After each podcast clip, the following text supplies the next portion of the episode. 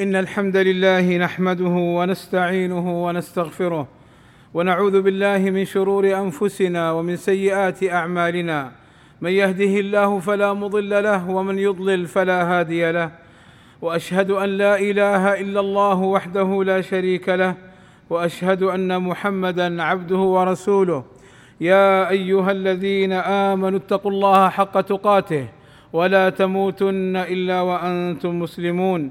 يا أيها الذين آمنوا اتقوا الله وقولوا قولا سديدا يصلح لكم أعمالكم ويغفر لكم ذنوبكم ومن يطع الله ورسوله فقد فاز فوزا عظيما إن أصدق الكلام كلام الله وخير الهدى هدى محمد صلى الله عليه وسلم وشر الأمور محدثاتها وكل محدثة بدعة وكل بدعة ضلالة وكل ضلالة في النار أما بعد فعدم تقدير الزوجة وتعاليها على زوجها وطلبها أن تكون مساوية للرجل في القرار وفي المسؤولية سبب لكثير من المشاكل التي تصل للطلاق.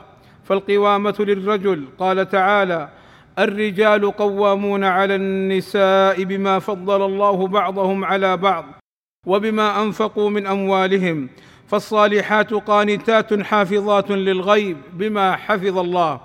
أي أن الرجال قوامون على النساء بإلزامهن بحقوق الله تعالى من المحافظة على فرائضه وكفهن عن المفاسد وقوامون عليهن بالإنفاق عليهن وذلك بسبب فضل الرجال على النساء وإفضالهم عليهن من كون الولايات مختصة بالرجال وبما خصهم الله به من العقل والرزانة والصبر والجلد الذي ليس للنساء مثله.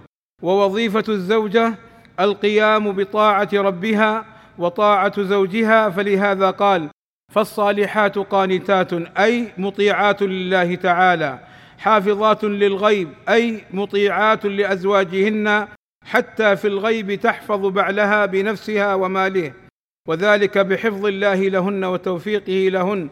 لا من أنفسهن. والرجل هو الراعي في البيت والزوجة تبع له. قال صلى الله عليه وسلم كلكم راع ومسؤول عن رعيته فالرجل راع في أهله ومسؤول عن رعيته والمرأة راعية في بيت زوجها ومسؤولة عن رعيتها. والمرأة الصالحة هي المتحببة لزوجها هي من نساء الجنة. قال صلى الله عليه وسلم ألا أخبركم بنسائكم في الجنة؟ قلنا بلى يا رسول الله. فقال صلى الله عليه وسلم كل ودود ولود إذا غضبت أو أسيء إليها أو غضب زوجها قالت هذه يدي في يدك لا أكتحل بغمض حتى ترضى. وقال صلى الله عليه وسلم المرأة لا تؤدي حق الله حتى تؤدي حق زوجها. حتى لو سألها وهي على ظهر قتب لم تمنعه نفسها.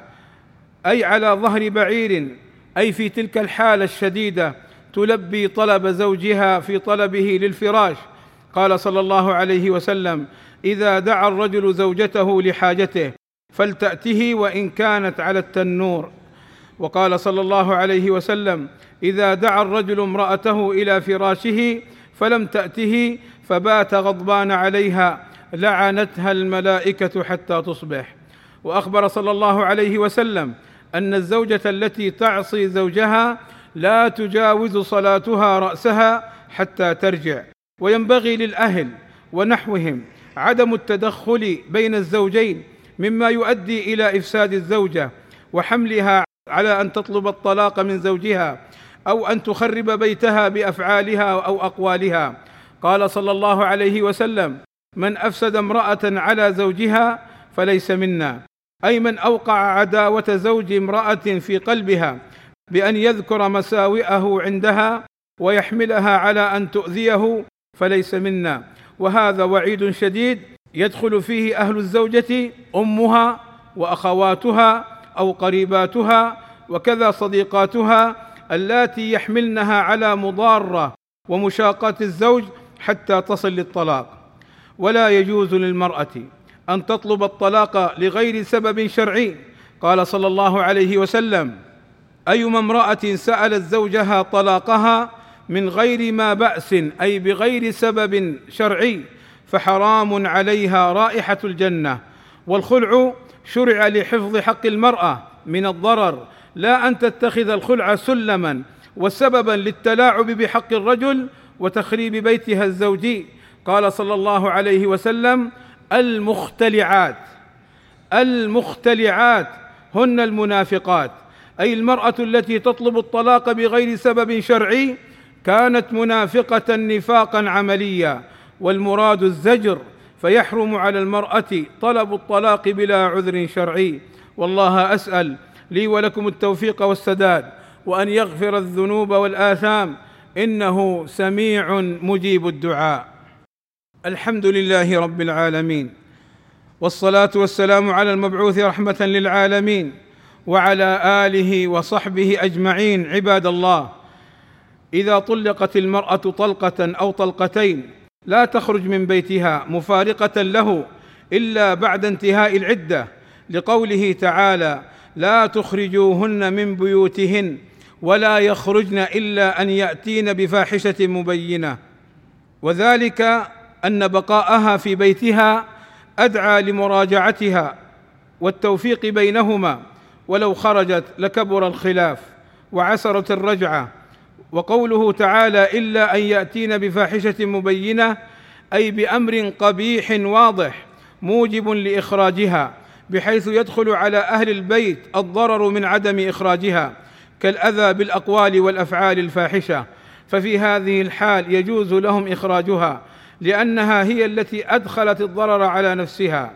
والطلاق المشروع ثلاث طلقات فيراجع الرجل زوجته بعد الطلقة الأولى والطلقة الثانية. وأما إن طلقها الثالثة فلا يحل له أن يراجعها. قال تعالى الطلاق مرتان يعني مرة ثم مرة. فإمساك بمعروف أو تسريح بإحسان فإن طلقها الثالثة فلا تحل له حتى تنكح زوجا غيره. قال تعالى فإن طلقها أي الثالثة فلا تحل له من بعد حتى تنكح زوجا غيره. وما يفعله بعض الناس هداهم الله للصواب من أنه يطلق زوجته طلقات كثيرة فوق الثلاث ولا يفارقها بحجة أن الطلاق لم يقع فهذا خطأ. وعليه أن يراجع القضاء الشرعي للنظر هل وقع الطلاق أم لا. تقول بعض النساء والله طلقني زوجي أكثر من ستين مرة فكيف يعاشرها وكيف ينجب منها؟ وقد طلقها هذه الطلقات الكثيرة فعليه أن يراجع القضاء ولا يتلاعب بأعراض النساء. عباد الله إن الله وملائكته يصلون على النبي يا أيها الذين آمنوا صلوا عليه وسلموا تسليما.